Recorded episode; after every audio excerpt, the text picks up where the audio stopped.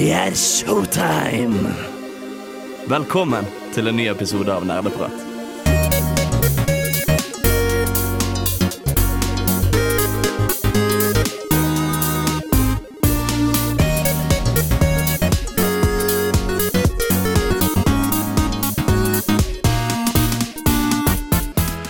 Hei og hallo, alle og enhver, og velkommen til en ny episode med Nerdeprat. Jeg snakker som en robot i dag. Jeg er ikke helt sikker på hvorfor. Jeg er i godt humør, i hvert fall, eh, kan man si. Jeg er Håkon. Eh, Jeg er programleder, som vanlig. Eh, Med meg i studio i dag så har vi Tor Magnus, hallo, hallo.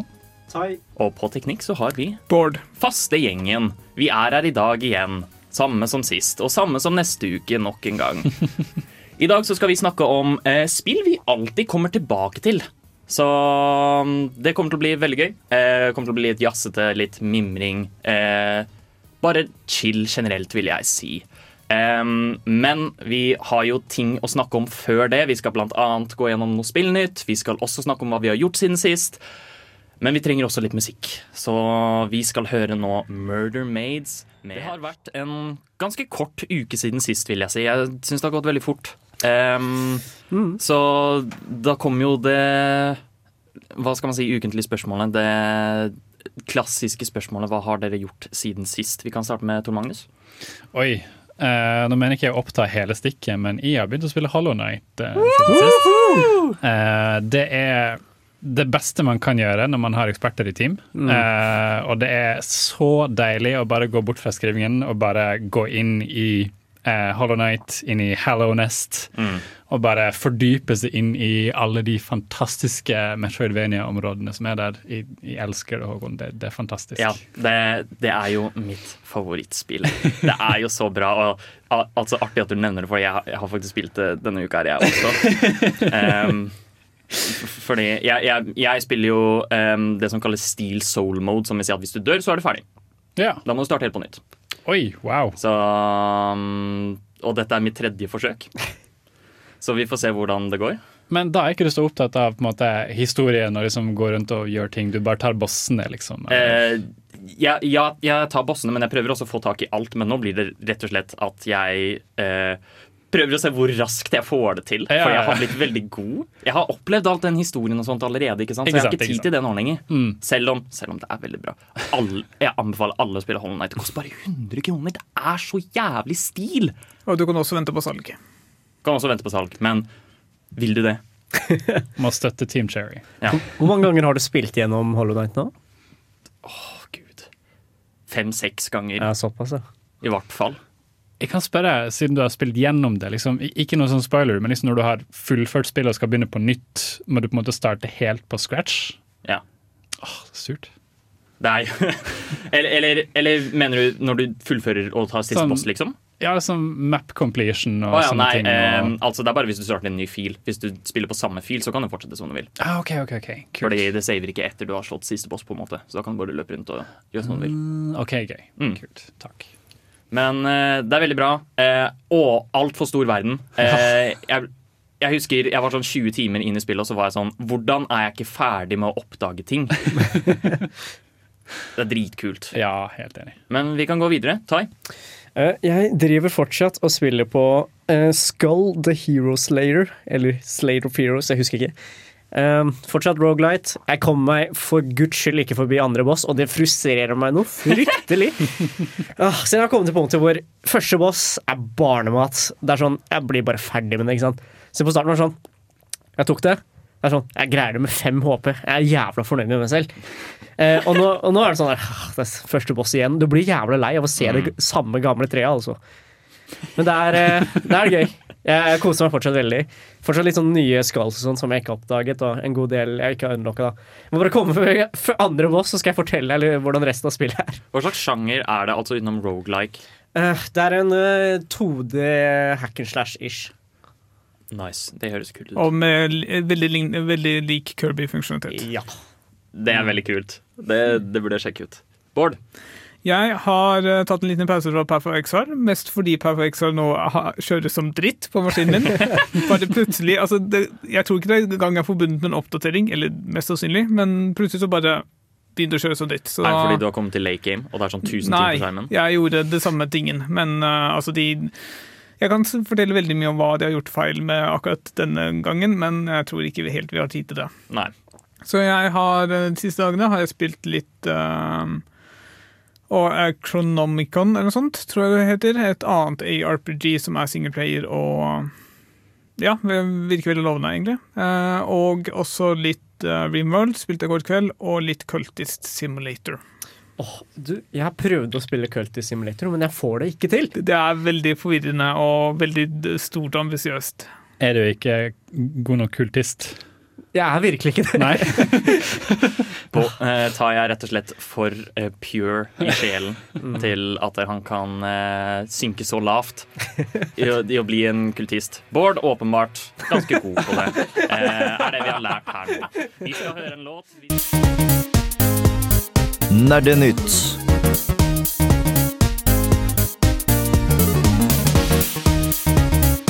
Det er på tide med Nerdenytt, og vi skal som vanlig ta for oss ukas viktigste saker.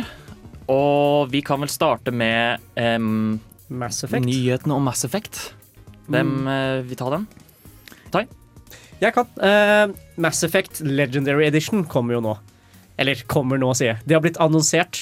Eh, Eh, 14. mai kommer den. Ja, i mai en gang, i hvert fall. 14. 14. mai. Eh, ja, så da kommer det jo en eh, Da blir det en serie laget av Eller det er BioWare som produserer en remake slash remaster av de originale tre Mass Effect-spillene. Så eneren blir jo vel en rework. Mm, Ish. De, de gjør masse fin finpuss på den. Ja, re remake-ish. Ja, Eh, mens toeren og treeren de blir jo remasters. ja, de spillene er jo solide nok, for så vidt. Ja, Gameplay-messig så er de det, i hvert fall. ja. Og det har kommet ut noen bilder da, altså, som sammenligner eh, eneren før og den nye eneren. Og det ser jo mye bedre ut, men det ser fortsatt ganske crappy, syns jeg.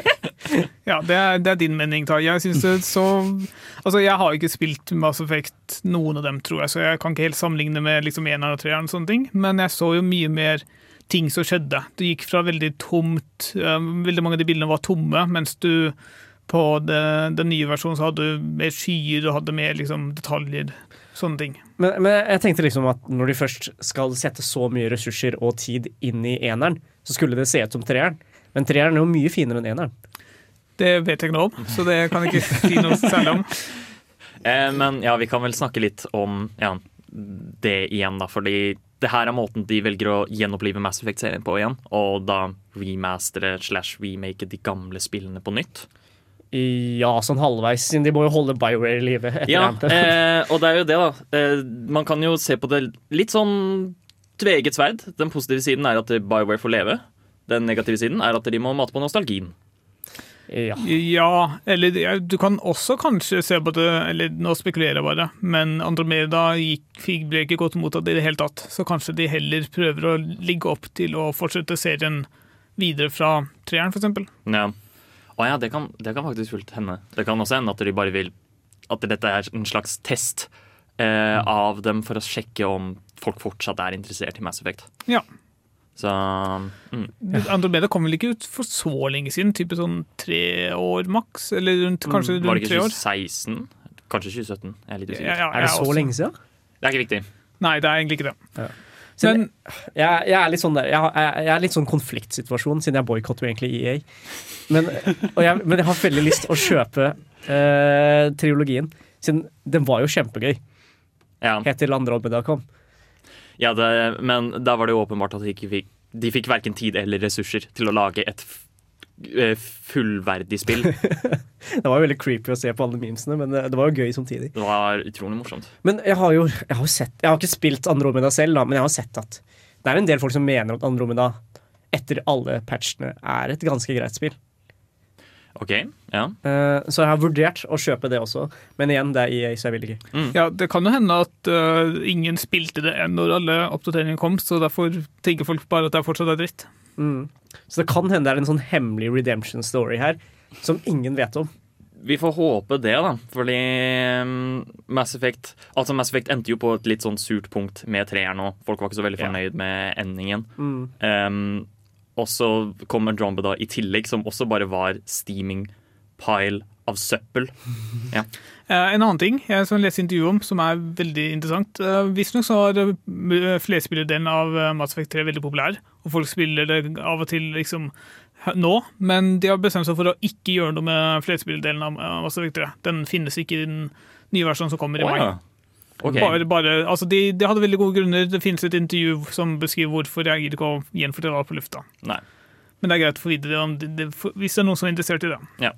Vi får eh, håpe det går bra med dem. Um, da har vi snakket litt om å boikotte EA. Vi skal straks snakke om noe annet han har prøvd å boikotte etter vi har hørt JNS med Du får en remake, og du får en remake, og du får en remake. Alle får en remake. Det stemmer. Eh, Mass Effect fikk en remake. Eh, eller får en remake, da. Eh, men det skal vi ikke snakke om nå. Vi snakker fortsatt Nerdenytt. Men det var det vi snakket om før låt. Eh, uansett, det er andre nyheter. Vi skal snakke om Epic Games, ikke sant, Bård? Eh, ja, for en uke siden så kom ut rapporten for 2020, og avhengig av hvem som ser på det, eller jeg tror egentlig de fleste vil si at den ser ikke veldig lovende ut. Eh, de hadde eh, 160 millioner eh, eh, kunder, som vil eller ja, kunder, som brukte totalt 700 millioner. Så hvis vi tar et kjapt regnestykke på det, så er det under fem dollar per person. Gjennom hele året. Um, og så er det noen på Reddit som har sammenlignet tallene fra 2019 og 2020. Eh, tallene, tallene fra 2019 var 680 millioner, så de har vokst 20 millioner på et år. Som Nei, er liksom ingenting. Hmm.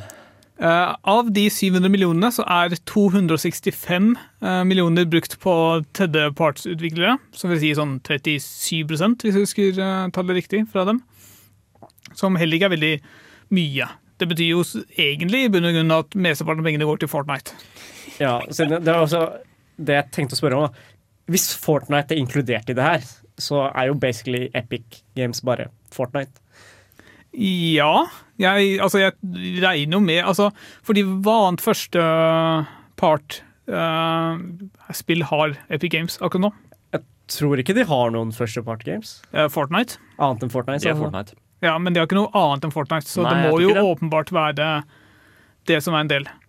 Uh, ok, De har også en liste over de mest populære titler på eh, her. Det er Valhalla, det er Satisfactory, som var i Early Access eksklusivt på Epic Games, og så er Fortnite Jeg vet ikke om det er på en tredjeplass, men det er i hvert fall tredje i listen. eh, eller i plakatvisning, så du kan egentlig ikke si at det er en liste heller.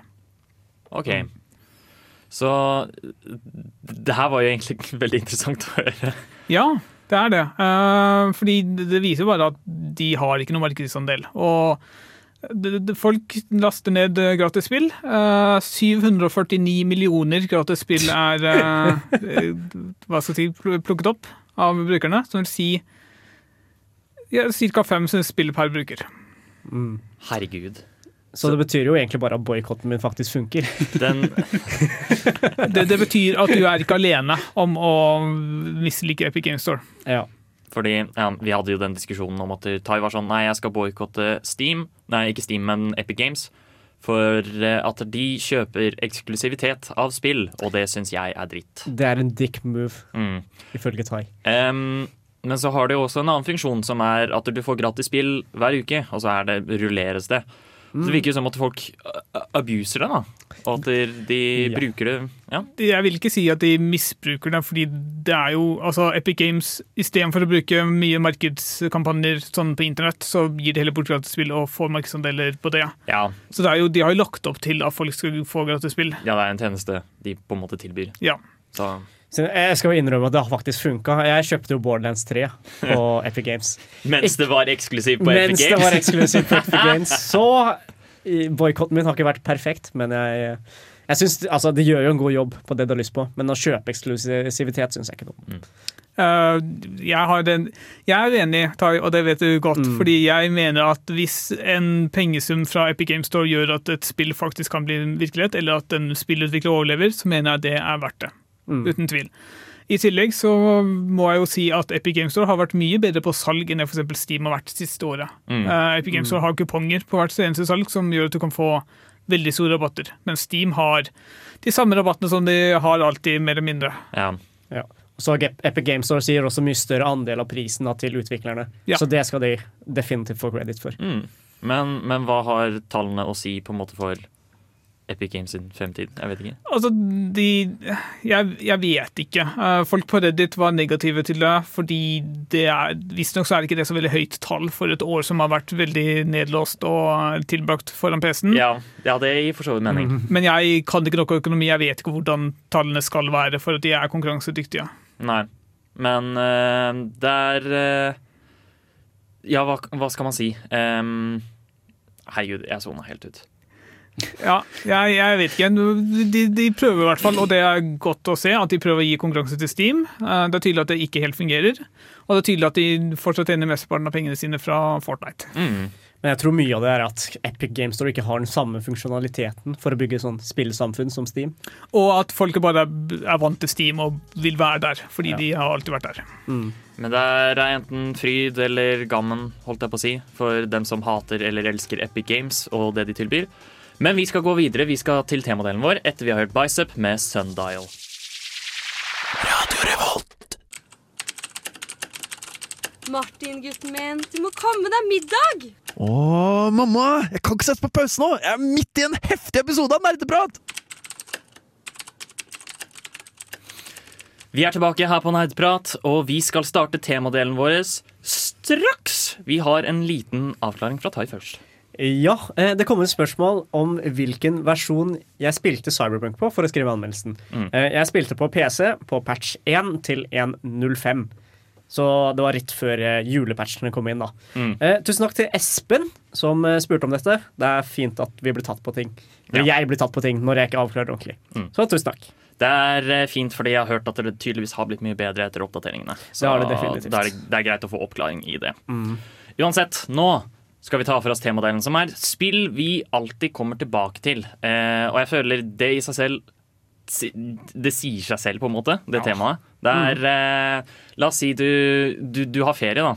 Og så går istedenfor å begynne å spille et nytt spill, eller noe sånt, så går du tilbake til det samme spillet du har spilt gjennom dritmange ganger allerede.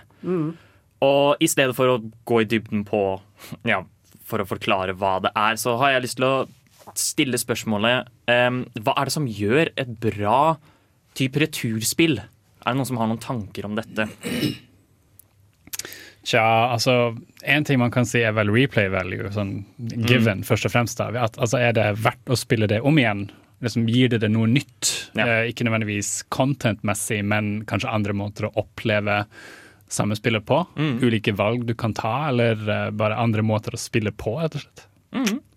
Ja, Replay value føler jeg også er et veldig viktig stikkord i akkurat dette temaet. Men det er ikke nødvendigvis det heller. Eller, altså, på en måte, Jeg tror det kan sammenlignes veldig mye med folk som ser fil de samme filmene på nytt, og sånne TV-seriene på Ja. nytt.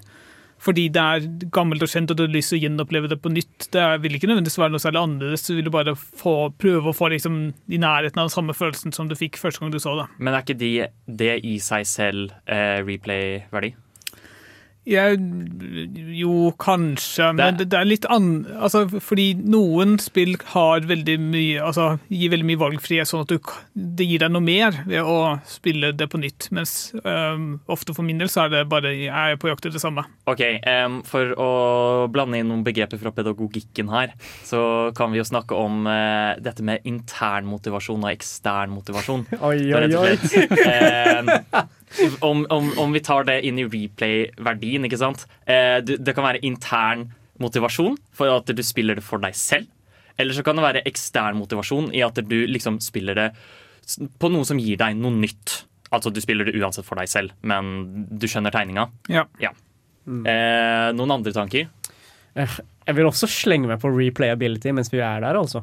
Eh, Jeg har oppdaga dailies på Slay the Spire, og det gjør meg så glad å bare kunne sammenligne meg selv med mine venner og vise at OK, jeg er ikke så god som dem, men å vise at jeg likevel er på plata. Liksom. Jeg, jeg er jo i topp der. Eh, har du uh, Altså, merker du at du gjør, blir bedre, for eksempel? Eh, nei, men det er litt på grunn av meg selv. Fordi jeg liker å spille på den mest jank måten mulig. Og det syns jeg er en god del av Ja. Det, det kan jeg stille meg bak. Det er ikke gøy med min Eller jo, det kan være gøy, men det er morsomt med jank. Ja, ikke Ja. Så istedenfor å liksom gå for det mest effektive dekket, så pleier jeg å bygge sånn derre Vet du hva, dette kortet er stygt og helt ubrukelig. Hva skjer når jeg fyller opp dekket mitt med det? Som regel funker det ikke, by the way, men det er gøy å prøve likevel. Mm. Um, og som en siste stikkord som jeg også vil ta for oss som, Og det sier seg selv, fordi det er jo sånn uansett med hva slags spill du spiller, det må være gøy. Ja. Ja. Det er, det, det, det er litt åpenbart, men eh, hvis, du, hvis det er et spill som er så gøy at du bare ikke klarer å legge det fra deg, at du alltid kommer tilbake til det, ja, da er det ja, bra spill å alltid komme tilbake til, ville jeg sagt. Um, noen videre utdypninger på det? Uh, jeg kommer med et motargument her. Okay. Jeg spiller mye Rune... Eller jeg spiller årlig Runescape.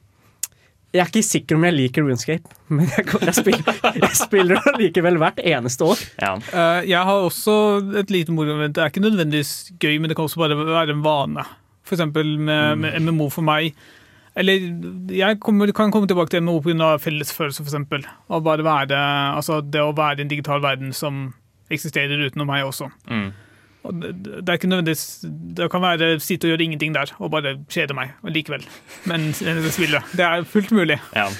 Nei, Det er også eh, veldig spennende du sier om at det, at det er gøy, Håkon. fordi veldig ofte så er spill ikke nødvendigvis gøy måte, p- eh, Veien dit er ikke alltid så gøy, men det er resultatet Ja. som gir det noe som Ja. gjør det verdt det. som regel, Mens veien dit kan være ganske kravstor, egentlig. Mm. Så det er ganske interessant, egentlig. Ja. Eh, det er veldig artig at vi nå driver og snakker om eh, disse spillene som vi på en måte er sånn Jeg spiller mye, men jeg er ikke så veldig glad i det. Fordi vi har tenkt å snakke om love-hate relationships med videospill etter vi har hørt 'Mermaid'. Hva er det du liker best ved studentradioen? Jeg hører alltid på studentradioen. Vi skal nå snakke om elsk-hat-forhold vi har til spill. Dette er spill som eh, Ja, vi på en måte da Man kan vel si elsker, da. Siden vi kommer jo alltid tilbake til dem, men hver gang vi gjør det, så bare hater vi livet. For det er så fuckings miserabelt at det er ikke måte på engang. Ja. Uh, jeg har min uh, Altså Ja, det er et godt eksempel, tror jeg. League of Legends for min del. Uh, jeg hadde egentlig gitt opp helt, og jeg spiller det egentlig aldri nå lenger. Uh, jeg hadde egentlig kuttet ut, men jeg kommer tilbake, jeg kommer tilbake til det fordi en venninne av meg begynte å starte å spille league, og hun ville gjerne spille med meg. ja. Det har jeg jo sikkert nevnt tidligere på en sending.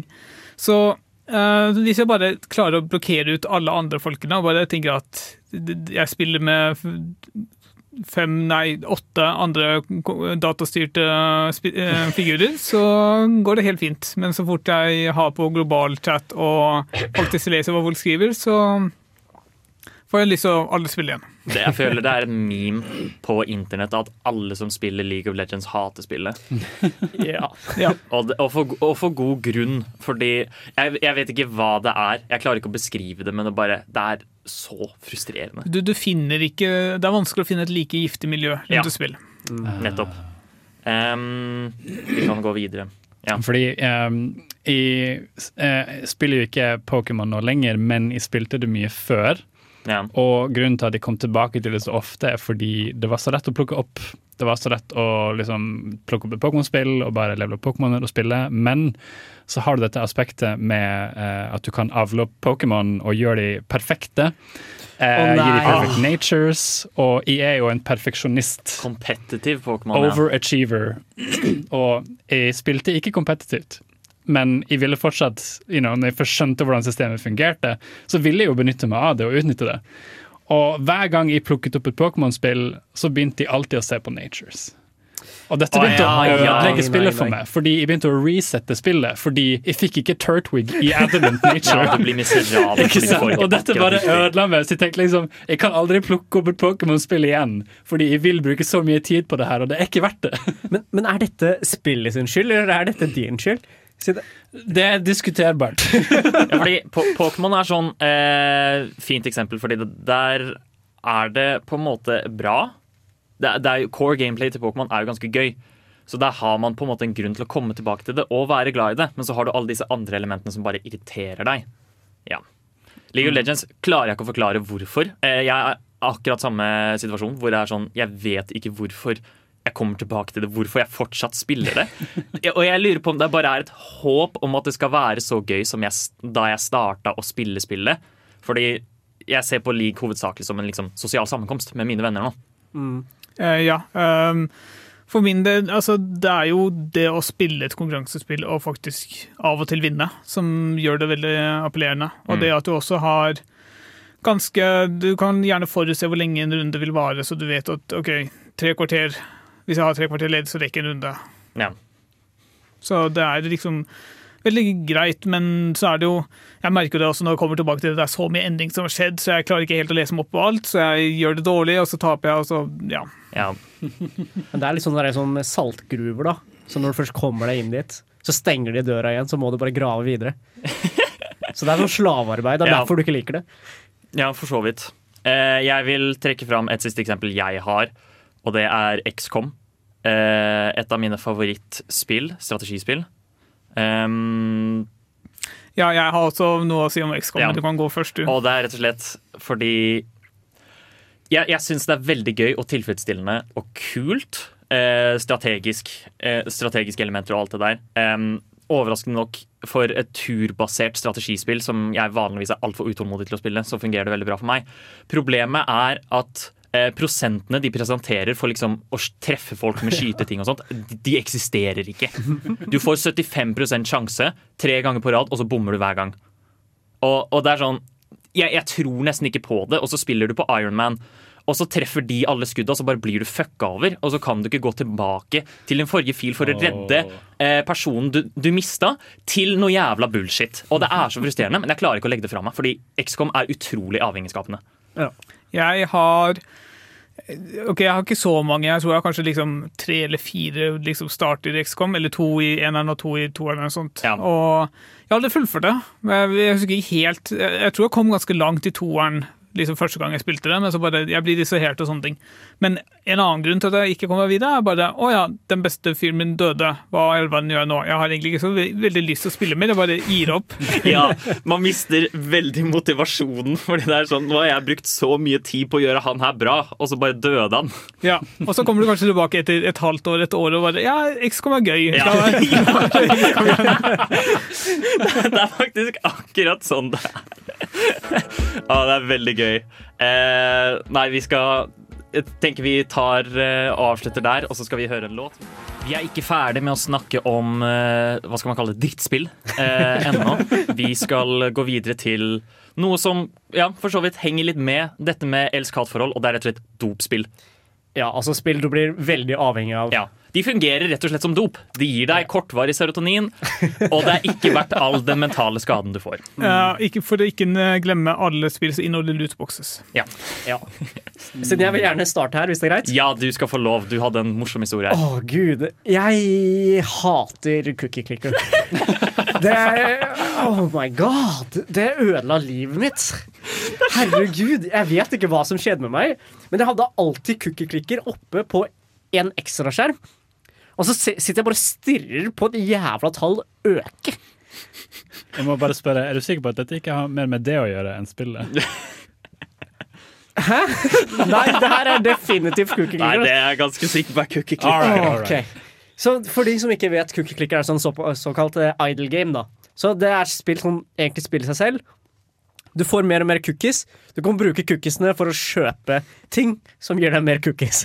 Og så får du, tjener du mer cookies for å kjøpe mer cookies som gir deg mer cookies. Så du har, bare, du har det bare på i bakgrunnen, og så bare trykker du på denne kjeksen for å få mer kjeks. Ja. Er det et endemål i det hele tatt, eller er det bare for å se tallet bli jævlig stort? Det er bare for å se tallet bli jævlig stort. Og det er det som er den verste delen med Cookie Clicker. Eh, tingen er at Det øker eksponentielt, ikke sant? så det tar deg kanskje en time å få deg 100 000 cookies. Men etter det så tar det deg ikke et minutt engang å få de neste 100 000 cookies. Og da er det sånn der, Jo lenger du venter mellom du spiller, jo mindre cookies får du. Så du sitter der og bare trykker på den jævla knappen fordi du får mer cookies fortere. Oh ja, så, så, du må, så du må spille det jevnlig for å kunne få cookies ofte? Ja, altså, jeg kan, jeg kan skru av Jeg kan bli ferdig jeg, altså, jeg kan spille en time, bruke opp cookiesene mine og la det ligge til i morgen, og så våkne med en million cookies. Ellers kan jeg spille et kvarter og få en million cookies. Som betyr at jeg bare spiller det i ti timer i strekk for å få en milliard cookies. Og det var, sånn der, det var på et punkt hvor Ok, det her er den verste delen. da Så Du kan få en sånn oppgradering som gir deg cookies etter at du har skrudd av spillet også. da Men det er en cap på hvor mye cookies du kan få. Som sier at du kan, Hvis du lar spillet ligge en time, ikke sant alt etter den timen bare forsvinner. Ah, ok, Så da føler du at det, ja, det Jeg mister tid. cookies! Ja, eh, jeg var innom Cookie Clicker, jeg også. Jeg, det var ikke i nærheten av så ille. Jeg klarte meg helt fint bare med å ha et vanlig forhold til det. Du ble rett og slett avhengig, du, Tai. Jeg ble virkelig virkelig avhengig. avhengig. Jeg sto opp klokka ett på natta en gang for å spille Cookie Clicker. det var forferdelig. Men, men var... ga det deg noe som helst glede? Nei! Jeg var bare sur. Jeg var sånn Jeg vil skrive på oppgaven min, men hvis jeg skriver på oppgaven min, så får jeg ikke flere cookies. Så dette høres egentlig bare Det var helt forferdelig. Det, det er ikke elsk-hat. Du, du, du fikk ikke serotonin av den engang? Nei, det var rett og slett Eller jeg fikk jo den Jeg fikk nok serotonin for å fortsette. Og big numbers. Ha-ha. Glede. Ja. Altså, dette høres ut som altfor mye av det gode, eller hva man skal Ja. si. Uh, fordi uh, selv så merker jeg at det å gå og spille litt Hollow Night imellom skrivingen nå er perfekt sånn happy drug dosage som måte jeg bare trenger for å overleve. Men ikke for mye av det. Ikke, ikke så mye som det der. For forskjellen der er vel kanskje også at uh, Hollow Night gjør deg ikke utslitt og bare ødelagt. Og du tenker ikke så mye på optimalisering av cookies. Ja. Nei, ok Og så, så er det også en greie at det kommer sånne golden cookies, ikke sant, en gang iblant, så du må liksom følge med på spillet. Så hvis jeg går glipp av en golden cookie, så mister jeg liksom produksjonen som tilsvarer tre timer. På én cookie! Det var helt absurd. Ja, Men til slutt så var det sånn dere, jeg får egentlig ikke noe glede av det her. Eh, Jeg, skri, jeg kommer ikke noe videre på skolearbeidet. Og jeg mister søvn over det her, så jeg bare lukka det. ja, det er bra. Eh, det er bra du klarte å slutte før det ødela livet ditt fullstendig, selv om det tydeligvis ødela livet ditt i en uke. Ja, ikke sant? Men nå skjønner jeg hvordan Cookie Monster føler seg.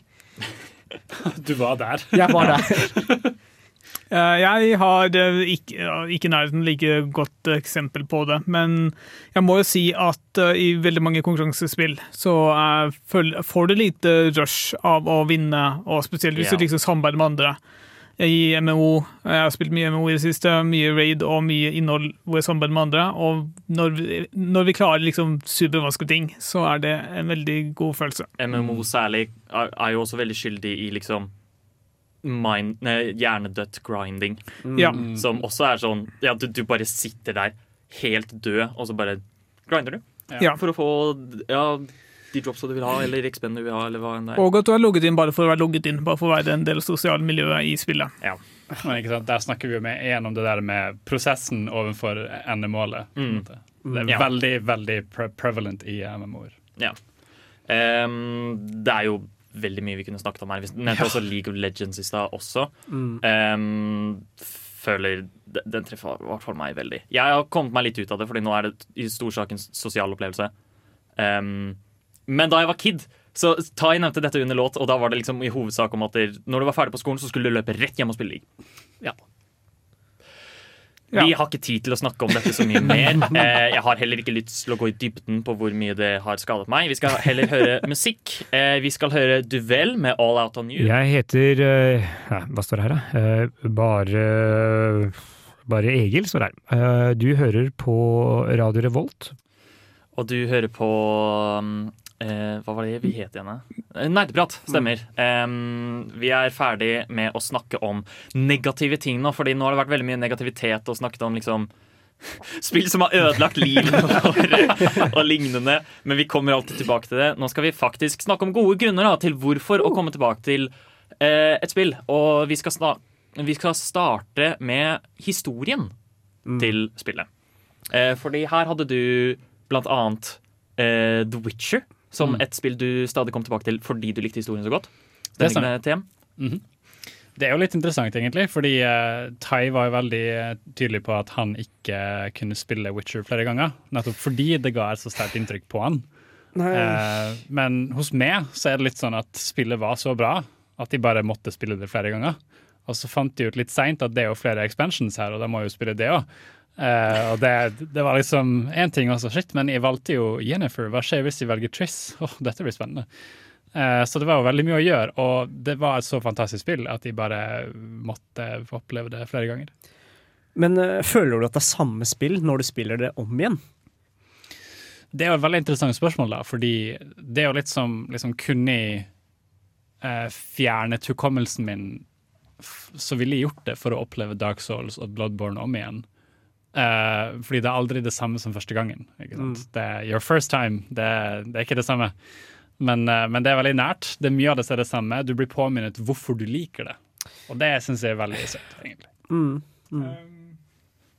For min del så mister jeg mye. Altså, I hvert fall spill som jeg ofte liker, har en interessant historie som jeg gjerne kanskje ikke alltid forventer. Så jeg, for min del så mister det litt av sånne Altså ting som kommer uventet på meg. Det kommer ikke uventet på meg neste, Mm. neste gang jeg spiller igjen. Da. Så det er sikkert derfor jeg nesten aldri har spilt gjennom i hvert fall historiebaserte spill liksom flere ganger enn bare gjennom én gang. Siden jeg sliter også å spille gjennom historiebaserte spill, spesielt The Witcher. Så det ga såpass sterk inntrykk første gang jeg gikk gjennom det. Og jeg føler det blir um, en veldig billig versjon av spillet jeg liker så godt, når jeg prøver å spille gjennom det på nytt. Mm. Ja, det er veldig gode poeng, altså. Jeg tenker Litt av grunnen til at Witcher er et såpass bra eksempel for meg, er fordi at det er en så stor verden, og det er alltids en eller annen ny sidequest her eller der som jeg ikke fant forrige gangen jeg gikk gjennom det. For eksempel, uh, spoiler alert, liten sidequest. Um, jeg tror ikke det er spoiler engang. Eh, det er I Blood and Wine så er det en liten sidequest langt langt ute i Hutiheita hvor hesten din får muligheten til å snakke. Ja, det var den, ja. jeg, synes, altså, jeg hadde aldri sett denne sidequesten før, og jeg bare hva, alle, hva er det som skjer? Ting tar jo helt av, og liksom dynamikken mellom Roach og Geralt bare tar helt av. Og det var så gøy.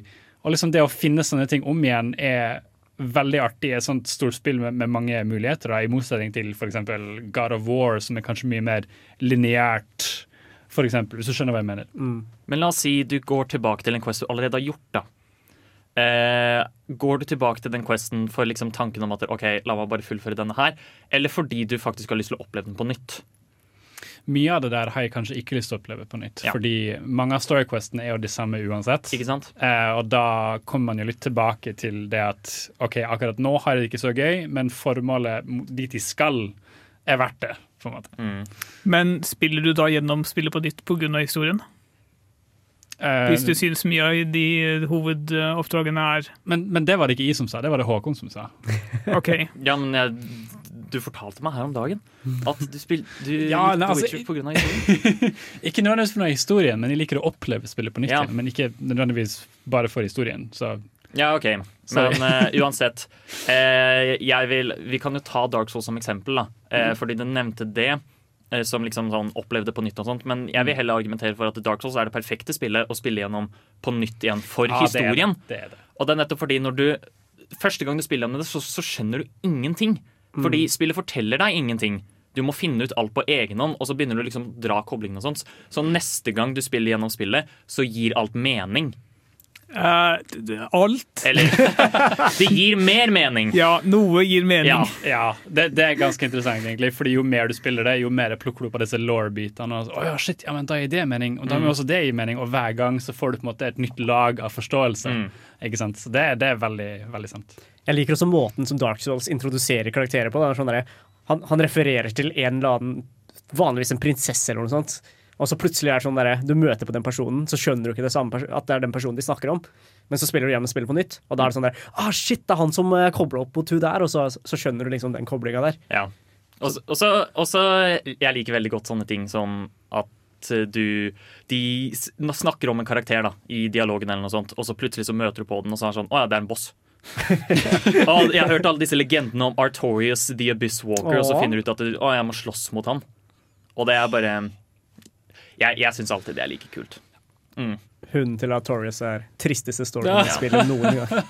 Men det finnes absolutt eh, Det mener jeg da er den største grunnen til å spille gjennom eh, et spill på nytt for historien. Annet enn å liksom bare oppleve den på nytt fordi den er så bra. Um, Men å finne ut mer av historien. ja, å finne ut mer av historien.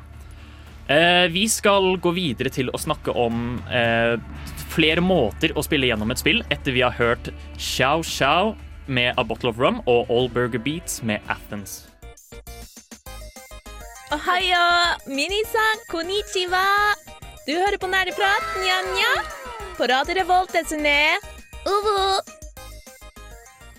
Nå skal vi gå over til å snakke om spill du spiller gjennom annerledes. Og det vi mener med dette, er eksempel La oss si du spiller et spill som Skal vi ta, Sky, vi, vi tar Skyrim som eksempel. Ja. Um, der har du en questline som eh, er to typ, kall det eh, forskjellige veier, da, eh, hvor du kan velge mellom The Imperials og Stormcloaks.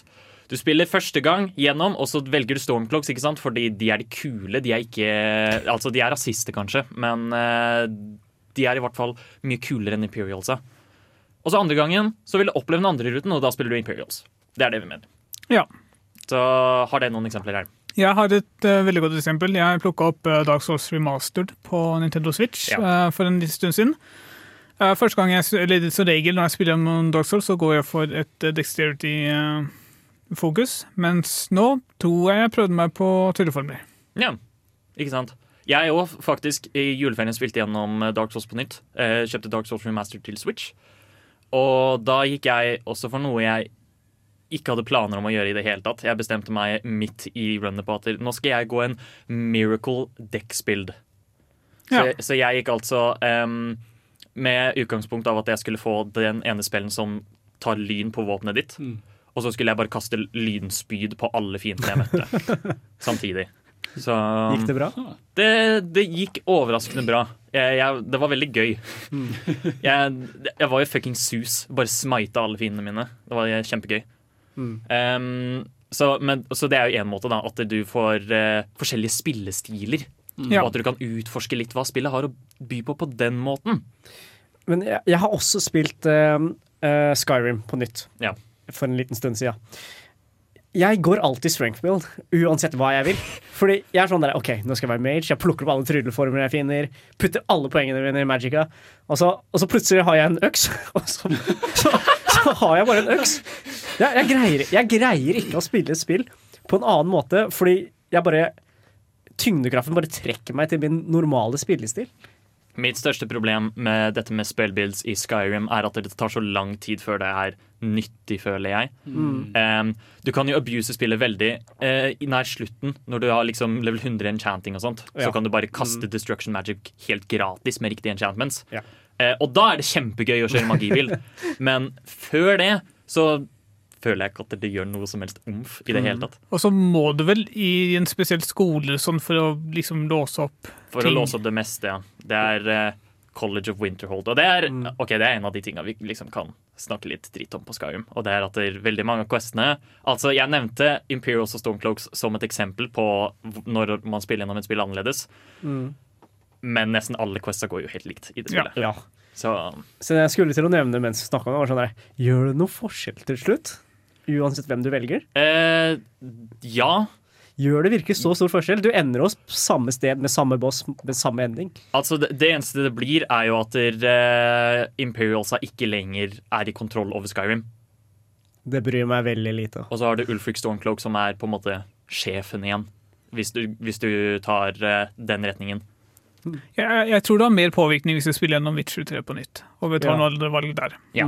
Witcher 3 er et veldig godt eksempel. Fordi Der eh, har du jo for forskjellige folk du kan romanse, og få forskjellige endinger ut ifra det. Ikke sant, Tim? To stykker. To, to stykker. Ok, ikke så stort Men, men du, har jo, eh, du har jo flere endinger ut fra om du, du kan romanse begge, og da vil det få konsekvenser. Ja. Eller du kan romanse ingen.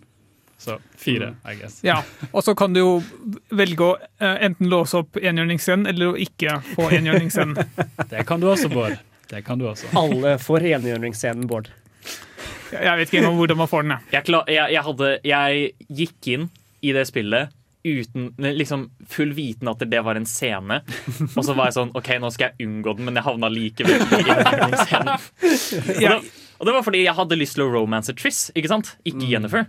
Men så endte jeg opp med romance Jennifer. Fordi hun har enhjørningen. Ja. Jeg, jeg tror ikke jeg visste om den engang. gang. bare- Den bare plutselig skjedde, og så bare hva, hva var dette her? Og så fant jeg ut at ja, det er en ting som folk har lagt merke til før, ja. ja. Men det er i hvert fall em, en grunn til å spille gjennom Witcher 3 på nytt, for eksempel. Em, fordi, sånn at du slipper å se den enhjørningsscenen, og så kan du romance a Triss. Fordi Problemet da er jo at hvis du går gjennom den scenen og du prøver å romance a Triss, så bestemmer begge to seg for at å, nå skal vi lure Geralt, og så skal vi Spoilers! Ja, men, men vi skal, de skal fengsle han da, til ja. senga, og så bare er det sånn De lurer han til å tro at de skal ha trekant med han, og så får du ingen. Så kommer Dandelion. Ja. Men eh, det er i hvert fall av litt forskjellige grunner. Det siste som kan nevnes, er jo at hvis du på en måte har lyst til å lage litt sånn gøye utfordringer, da. Om, Vi nevnte Dark Souls. Eh, Det er enkelte som spiller gjennom Dark Souls med f.eks. Eh, Guitar Hero-kontroller. Ja. Eh, bare for å gjøre det litt ekstra annerledes og gøy for seg selv. Jeg syns alltid det er så gøy å se på folk spille sånn meme builds i Dark Souls. Så, hva heter de der hanskene dere Eh, Cestus? Cestus. Cestus runs er så morsomt å se på. Sånn, du, du når jo en halv meter foran trynet ditt. Mm. Det, det, er, det er jo ikke grunnen til at vi spiller gjennom spillene på nytt, da, eh, for å spille det annerledes, men det er likevel gøy å merke seg. Em, når vi snakker om Dark Souls, eh, så er det også relevant å snakke om liksom, hvor god man har blitt, og hvor mye kjappere man er på å slå bossene sammenlignet med sist. Og det er det vi skal snakke om etter låt. Vi skal snakke om optimalisering, men først skal vi høre Halla, snuppa! Vil du være med og høre på nerdeprat? OK, her kommer jeg. Optimalisering er det vi skal snakke om nå, eller forbedring kan man også kalle det. Eh, Jeg har inkludert dette som et punkt fordi um, For å ta et eksempel fra meg selv. Jeg har en greie, og det er at jeg spiller gjennom Super Metroid minst én gang hvert år. Og det er fordi jeg liker å se hvor mye raskere jeg klarer å gjøre runnet mitt. Jeg kjører alltid 100 Det raskeste jeg har fått til, er jeg tror eh, 1.57 på in game-timen, som er eh, Hvis du skal spille på ekte, så tar det kanskje litt under tre timer. Mm.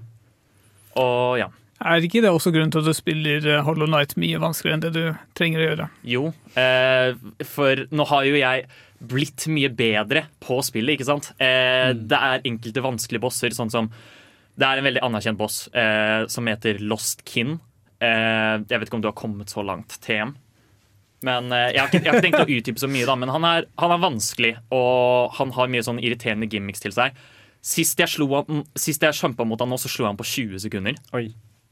Og jeg bare Ah. og jeg har bare innsett liksom hvor mye bedre jeg har blitt, og da er det så tilfredsstillende å spille gjennom spillet på nytt for meg. Ja. Så derfor spiller jeg gjennom det ofte. Det samme, samme er det for meg med eksempel Mario 64. Jeg har spilt gjennom det spillet sånn tolv ganger siden jeg var kid. Og jeg ser jo hvor mye raskere jeg blir hver eneste gang. Og, og så prøver jeg liksom å leke meg fram med hvordan jeg kan få stjernene. Det er jo masse sånne speedrunning techs. Mm. Um, sånn som for eksempel i Det er et spøkelseshus. Uh, den ene verden med spøkelseshuset, så er det en stjerne som Du kan gå gjennom en slags boklabyrint for å komme deg til den. Men det er også en slags plattform som er rett ved den stjerna, så du kan bare trippeltoppe og walljumpe deg opp dit. Ja. Eh, og det er litt vanskelig å få til, men det er gøy å prøve. Mm. Og da spiller man det, og så ser man om man får det til. Mm. Har dere noen sånne? Jeg, jeg har en annen form for problematisering. Fordi okay. et spill jeg kommer veldig ofte tilbake til av diverse grunner, er Minecraft. Og det grunnen til å nevne det her er fordi en av formene jeg kommer tilbake til Minecraft i, er med mods. Og da, fordi det er, jeg kan godt like å liksom lage en optimal Altså eksempel prosesseringslinje for et eller annet ressurs eller noe sånt. Og bare få automatisk sortering av ting og prøve å liksom kunne lage alt mulig. Type som man kan gjøre i Factorio. Ja. Så jeg eh, kan godt eh, finne på å komme, til et, eh, komme tilbake til et spill bare for å liksom leke rundt med automatisering og liksom lage sånne rullebånd-ting. Ja, det minner meg også på Det var Sist jeg spilte Minecraft, så husker jeg det var en kompis av meg i den serveren som brukte sånn flere timer på å prøve å bare sette opp dritmange XB Farms. Det, det, det kan jeg finne på å gjøre. Det er, sånn, det, det er typisk meg å gjøre. Og det er jo, er jo optimalisering i stor grad, Ja. vil jeg si. Mm. Jeg, jeg optimaliserer på samme måte som deg, Håkon. Bare at jeg liker å gjøre det med rogelights. Fordi da er det meninga at du skal optimalisere for å spille spillet. Mm. Um, så altså På starten så brukte jeg sikkert typ, litt over en time på å komme gjennom en Hades run. Nå tar det sikkert ikke en halvtime engang. Ja, ikke sant. Samme, for så vidt. Jeg brukte meg ekstra god tid for det meste på å spille gjennom det spillet, og nå er det sånn du, du vet akkurat hvilke oppgraderinger Mm. du skal ha. Mm. Eh, du får en ting, og så er det sånn Oi, men hvis jeg får, afro, hvis jeg får for eksempel Aries nå, Mm. så kan jeg få denne duobunen, og så kan jeg bare ødelegge alt. Og så går du for det, og så blir det Mm. veldig sånn kalkulert, Ja. kan man si. Og så øh, digger jeg også med Slitty Spire, siden de gir det også Det gir deg også sånn, noen ekstrapoeng. Det er sånn typ ti poeng ekstra på slutten hvis du går for score. Uh, jo raskere du går, så er det sånn F, du får sånn faster than light achievement. Uh, uh, som også er sånn derre ja, spille ferdig en runde på under 25 minutter. Sånne ting. Og jeg legger merke til at det går mye fortere, og jeg liker følelsen av at jeg mestrer spillet såpass godt at jeg kan bare blaze gjennom det. Det går ikke på fart, men jeg merker at eh, Fire Emblem er noe jeg spiller opp igjen bare for å se liksom, hvordan kan jeg få mest mulig ut av å levele unitene mine så høyt som mulig. Sant? Og de blir bare så utrolig sterke til slutt at de bare kjører over alt.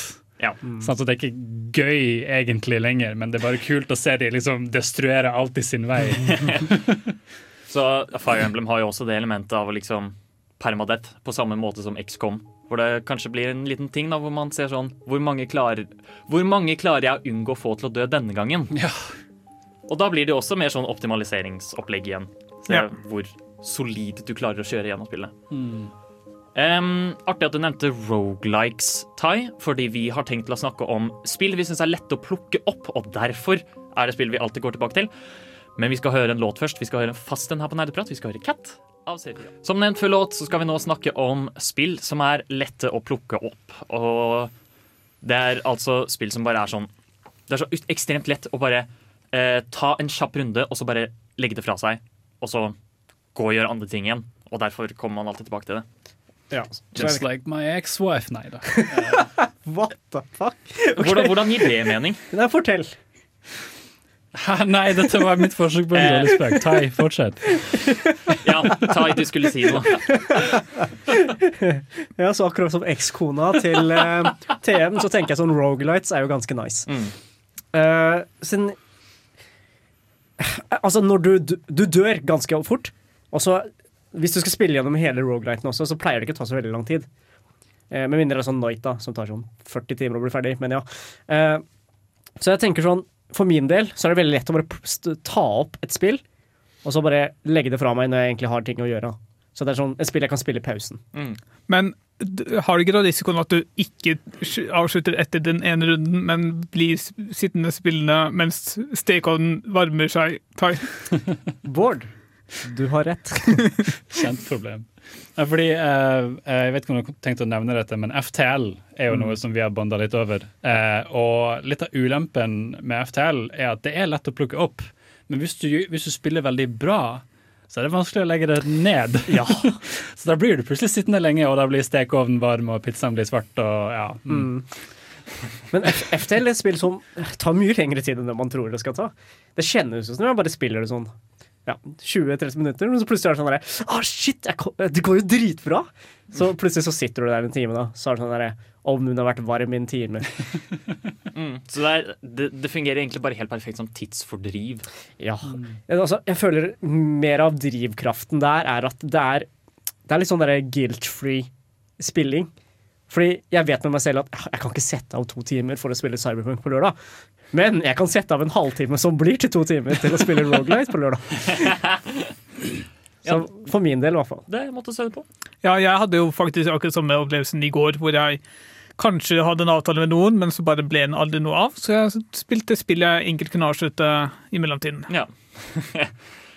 um, ja, det kan vel egentlig jeg, jeg kan ta det samme. Eh, Jeg kan ta en liten anekdote fra um, jula. Og det var dette med at vi det var, det var natt, ikke sant? Det var midt i helga. Eh, vi ville spille noen korte ting på gøy eh, for å liksom Vi var ikke helt klare for å legge oss ennå, ikke sant. Spilte vi Rocket League.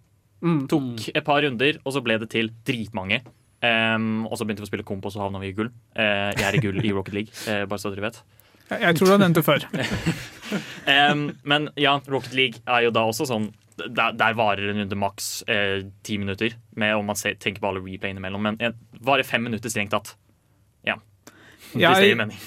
Jeg har et eksempel på det motsatte faktisk enn det vi egentlig prater om. Fordi jeg har mange spill jeg har blitt distrahert fra, og som jeg aldri veien klarer å komme tilbake til fordi det er for høy terskel. Jeg må Mm. da enten starte på nytt, og det gidder som regel heller ikke. Så det bare jeg ligger der sånn halvveis fullført eller en tredjedel fullført. Ok. Så det er et eksempel på ting som ikke er lett å plukke opp. Har du et eksempel? Ja um, Jeg ble aldri ferdig sånn ordentlig med The Witcher. Jeg ble nesten ferdig med hovedhistorien. Jeg kom litt delvis inn i utvidelsene, men så ble jeg distrahert av et eller annet. Og da så har jeg ikke klart å komme meg tilbake igjen i det. Ja, jeg skal si meg også skyldig deg. Jeg spilte jeg tror ikke mer enn 25 timer av The Witcher 3. Hvordan greier dere å legge fra dere The Witcher? Fordi jeg blir altfor utålmodig av den åpne verden. Det tar altfor lang tid å komme seg til steder. The fast travel? Men OK, jeg spilte på PS4, og PS4-versjonen var utrolig Ah, dårlig optimalisert. ja, ok. Mm, mm. Så um, Jeg spilte faktisk også på PS4. mm. Og det var, var for laggy og alt det piss der. Men det er ikke det vi snakker om nå. Vi snakker om eh, Ting som er lett å plukke opp, ting, som ting som er lett å plukke opp. Og der anbefaler i hvert fall eh, vi her i Nerdeprat på det høyeste rogelikes. Eh, hvis du har lyst til å prøve en rogelike som på en måte ikke er så vanskelig, eller det er vanskelig, men det blir lettere underveis, så kan, vi prøve, så kan du prøve Hades, som jeg har anbefalt veldig mange ganger allerede.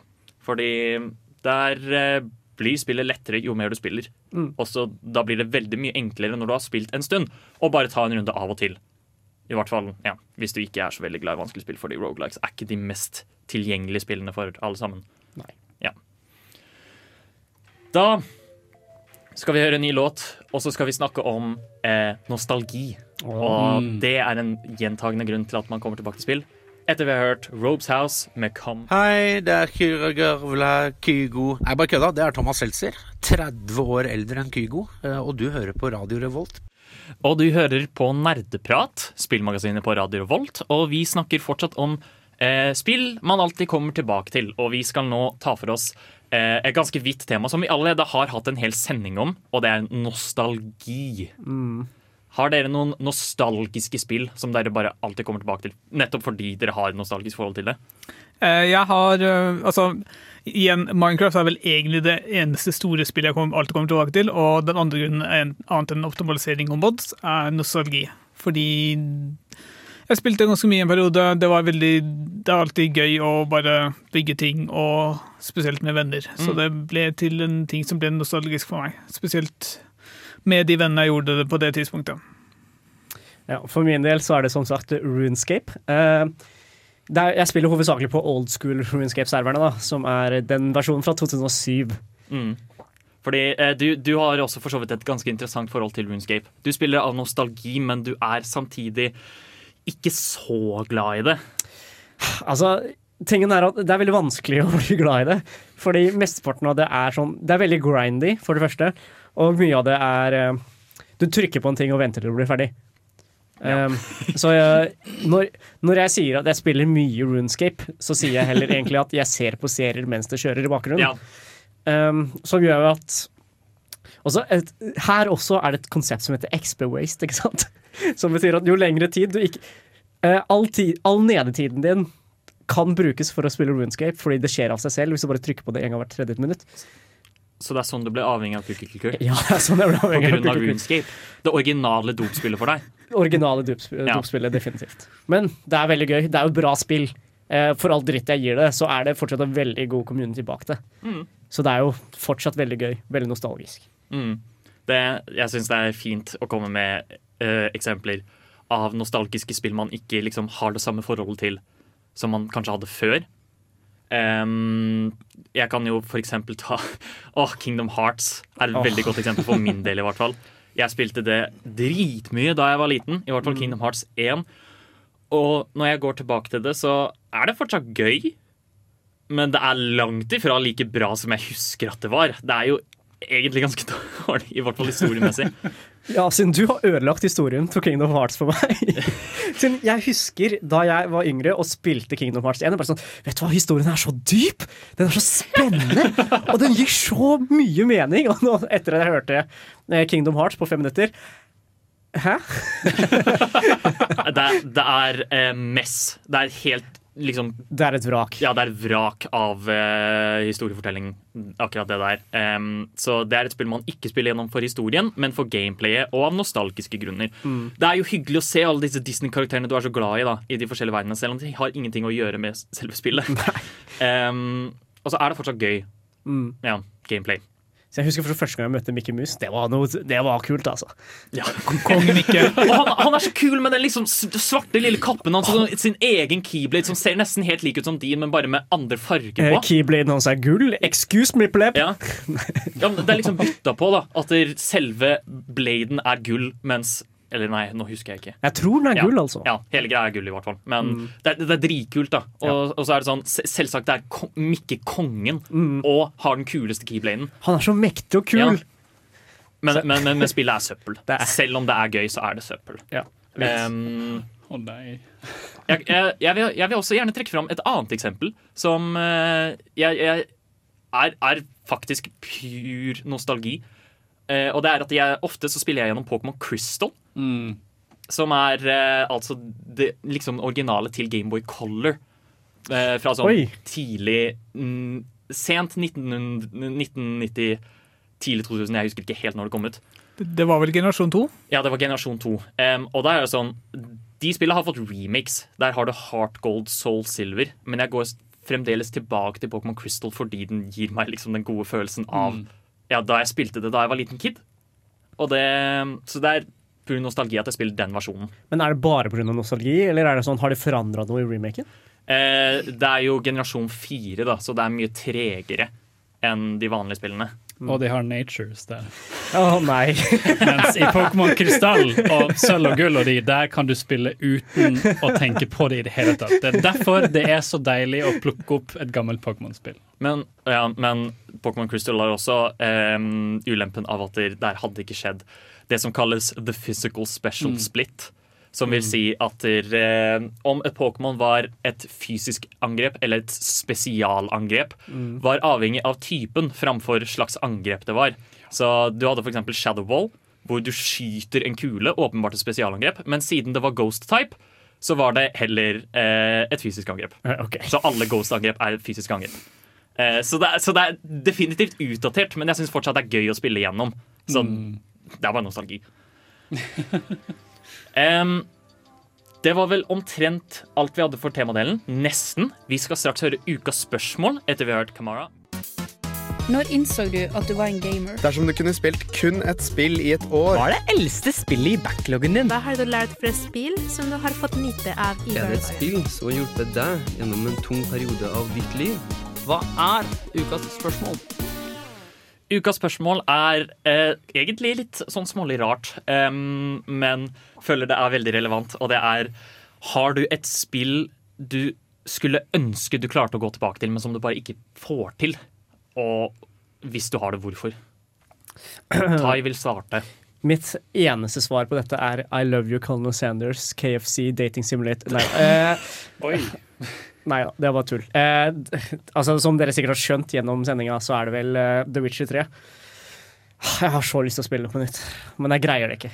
Hvorfor ikke? Storyen, på, som sagt, storyen, første gang jeg spilte gjennom, det ga såpass sterkt inntrykk på meg at Vet du hva, jeg kom på med en gang at dette er favorittspillet mitt. Jeg elsker alt som skjer i dette spillet, og alt det har gjort med meg. Og jeg greide ikke å spille andre dataspill i sånn typ to uker etterpå, fordi det føltes så dårlig i forhold til The Witcher 3.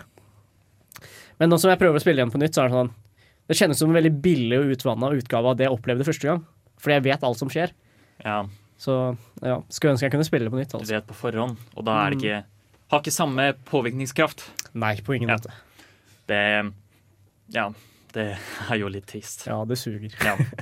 Er det noen andre? Eh, Jeg har egentlig to svar. Det ene er også Visual 3. Jeg tror ikke jeg klarer å komme meg inn i sånn nesten avslutta Visual 3 uten å Veldig stor anstrengelse, så jeg får se om det noen gang skjer. I tillegg til at jeg ikke har PlayStation 4 min akkurat nå heller. Et annet er at jeg tror nok det er noen uh, rogelights og lignende som bare jeg ikke gidder å bli så flink på at jeg klarer det bra, og derfor kanskje bare lar det ligge. Ja.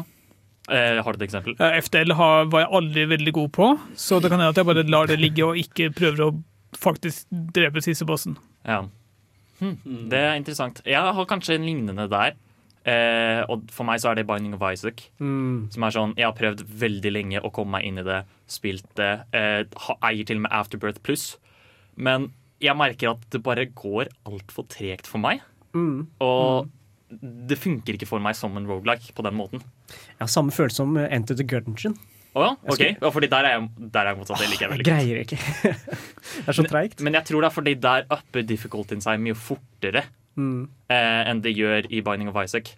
Så Og, og at Binding of Isaac er litt dritt for din Men det, det er en, ja, en diskusjon for seg selv. ja. jeg vil også gjerne utheve eh, de klassiske Monster Hunter-spillene. Eh, I hvert fall for min del her. Og det er fordi etter World, etter å ha spilt Monster Hunter World, så er de helt ødelagt for meg. De er så clunky, og de er så liksom trege og rare. Sånn at der, eh, selv om jeg hadde, har et veldig kjært forhold til de spillene, og jeg liker å gå tilbake til dem eh, Eller jeg liker ikke å gå tilbake til dem, er jo egentlig poenget, da. Men jeg likte veldig godt å spille de da jeg spilte de, men jeg får det ikke til lenger, fordi de bare føles så utdatert. Og det syns jeg er trist. Ja, ser den. For meg så må det være um, et spill som Nå måtte jeg tenke litt, som heter Tales of Vesperia, som er et JRPG, faktisk. Eh, en av de bedre Tales-spillene som jeg likte veldig godt. Spilte det på 360 for lenge siden. Mm. Eh, og det kom ut en sånn eh, ny versjon, sånn Definite Edition, eh, på PS4. Eh, og jeg lasta ned den og var sånn Yes, nå kan jeg oppleve spillet sånn ti år senere. Dette blir kjempegøy. Men eh, de har endra voice-actoren til hovedfyren. Ikke bare sånn på alt han har gjort, men på visse scener som er sporadisk lagt inn her og der. Så de bytter mellom stemmene på uh, Troy Baker, som er liksom legenden, og en annen fyr som ingen bryr seg om. Og det, det bryter med innlevelsen hele tiden underveis. Og jeg, jeg kunne ikke fortsette å spille det. Det bare ødela for meg. Mm. Ja. Kan du ikke gå tilbake til den originale versjonen? På Xbox 360, men det har ikke jeg. Så. OK. Emulator. Kjøp det på Finn. Kjøp det på Finn. ja. Men så noen ganger så er det ikke din skyld at du ikke kan gå tilbake, da. Nei. Eh, ja, vi kommer med et par eksempler her nå. Altså, Nettopp at det ikke er vår skyld. Mm. Eh, fordi ja, at det føles utdatert, eller at det bare ikke passer oss. Ja. Da er vi nesten ferdig, eh, men vi skal høre litt musikk først. Vi skal høre Da var vi ferdig for denne gangen. Vi har snakket om spill vi alltid kommer tilbake til. Kommet med et par eksempler fra oss selv, og kanskje hvorfor vi kommer tilbake til dem. Mye bra innslag og mye triste ting. Vi har f.eks. hørt om avhengighets... hvor avhengighetsskapende cookie-klikker er. Det kan det godt hende vi hører om i en senere anledning også.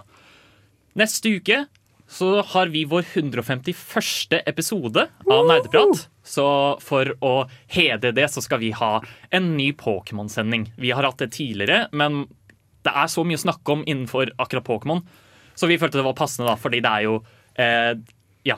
Kan vi begrense oss til første generasjon? Det er den eneste jeg kan noe om. Nei, vi skal snakke om alt, men det er i hvert fall 151 Pokémon innen første generasjonen. Derfor har vi Pokémon-sending på den 151. episoden til Nerdeprat. Det var alt for i dag. Nå får dere en låt. Dere får høre He Heave Blood and Die med Post People. Ha det bra. Ha det. Ha det.